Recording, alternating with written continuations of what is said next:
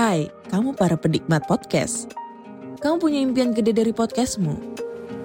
Terus First Story bisa banget bantu kamu. Mulai dari F-Link, Dynamic Audio Insertion, sampai statistik yang komprehensif. Semua ada di First Story. Gak ketinggalan kamu bisa monetisasi podcastmu lewat iklan dari First Story Ads yang bisa kasih kamu penghasilan dari setiap place podcastmu. Yuk gabung sekarang dengan klik di firststory.me.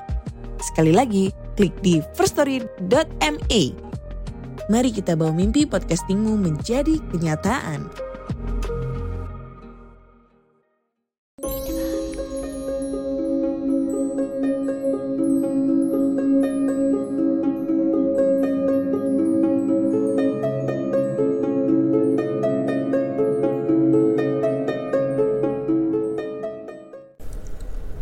Malam dan selamat datang. Saya Denny, narator dari Rumah Horor Indonesia dan cerita tengah malam seperti biasa menyambut kalian untuk mendengarkan sebuah cerita horor di malam hari ini. Dan cerita horor di malam hari ini berjudul Pesugihan Babi Ngepet. Bila sedang jatuh pailit, kemudian dililit banyak utang, bisa membuat seseorang menjadi gelap mata apalagi bila iman sedang goyah. Agar tidak jatuh lebih lagi, lalu mencari jalan pintas untuk memecahkan persoalan. Ada beberapa cara untuk itu. Kalau takut masuk bui karena tertangkap korupsi, maling, ngerampok, bisa mencari cara yang lebih aman, misalnya dengan pesugihan. Tapi cepat kaya dengan pesugihan juga nggak bisa dibilang aman. Kadang akibatnya malah lebih mengerikan. Sebab kebanyakan harus meminta tumbal nyawa segala. Kalau nggak ada tumbalnya, ya laku prihatinnya juga nggak enteng.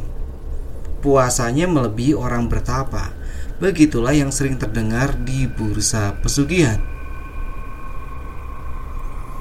Pulau Jawa terdapat banyak tempat pemberi pesugihan, makam keramat, gua angker, pohon wingit, sendang ajaib misalnya sering dianggap sebagai pemberi harta. Masing-masing punya tempat, punya cara dan syarat yang rata-rata hampir sama. Dusun Delepih Kayangan, Tirtomoyo Wonogiri ada semacam petilasan dari Panembahan Senopati yang juga jadi tumpuan para pencari pesugihan. Petilasan itu hingga kini dibanjiri peziarah dari berbagai daerah Begitu pula Pantai Selamaran Pekalongan dan Pemandian Keramendit, Malang, Jawa Timur. Tapi tempat mencari pesugihan yang paling kondang di Indonesia adalah Gunung Kawi. Begitu populernya tempat ngalap berkah ini, maka pesiarahnya datang dari seantero Nusantara. Ada ilmu pesugihan yang dikenal dengan babi ngepet.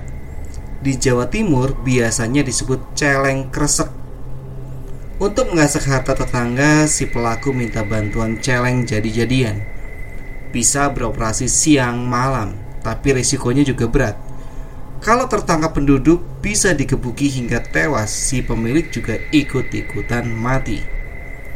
Ada cerita menarik tentang pesugihan celeng kresek yang dialami oleh warga Jawa Timur. Sebut saja namanya Pak Sarno. Semula hidup sederhana bersama keluarga Beberapa lama dia jarang kelihatan berada di tengah masyarakat. Tanpa diawali cerita ini itu, Pak Sarno lalu membuka usaha warung soto. Dalam tempo relatif singkat, sotonya laris, warung jadi gede dan tambah laris manis. Tapi Pak Sarno tetap jarang bergaul di tengah masyarakat. Lalu muncul rumor negatif tentang kehidupannya. Isu paling santer, Pak Sarno cepat kaya karena memelihara pesugihan celeng kresek atau babi ngepet. Kalau semula hanya satu dua yang percaya, lalu berubah makin banyak. Untuk meyakini rumor itu, beberapa orang bertanya kepada salah satu dari orang pintar yang juga adalah warga setempat. Setelah diterawang dengan mata batin, dukun itu pun mengiyakan. Terang saja warga lalu waspada. Suatu kali warga memergoki seekor celeng masuk desa. Dan bukan sekali dua kali, Malah ada yang mengatakan celengnya selalu menghilang di rumah Pak Sarno. Nas pun menimpa. Celeng kresek itu akhirnya ditangkap rame-rame. terang saja langsung dicacah-cacah bahkan dibakar pula. Menariknya, bersamaan dengan itu Pak Sarno kelimpungan di rumah dan mati tak lama kemudian. Tubuhnya pun hangus. Setelah dirunut lebih jauh, Pak Sarno ditengarai mencari pesugihan di daerah Watu Dodo. Terletak di kawasan hutan lindung antara Banyuwangi dengan Situ Bondo, Jawa Timur. Siapa saja bisa mendapat pesugihan celeng kresek di situ. Tapi harus kuat puasa ngebleng selama tiga hari di Watu Dodo. Sesajinya berupa kembang telon, minyak wangi, dan secawan darah ayam cemani atau ayam yang hitam itu. Kemudian ditaruh di bawah pohon paling besar yang terdapat di situ. Setelah itu dibacakan mantra manggilan. Ada orang yang bisa membantu baca mantra di sekitar situ.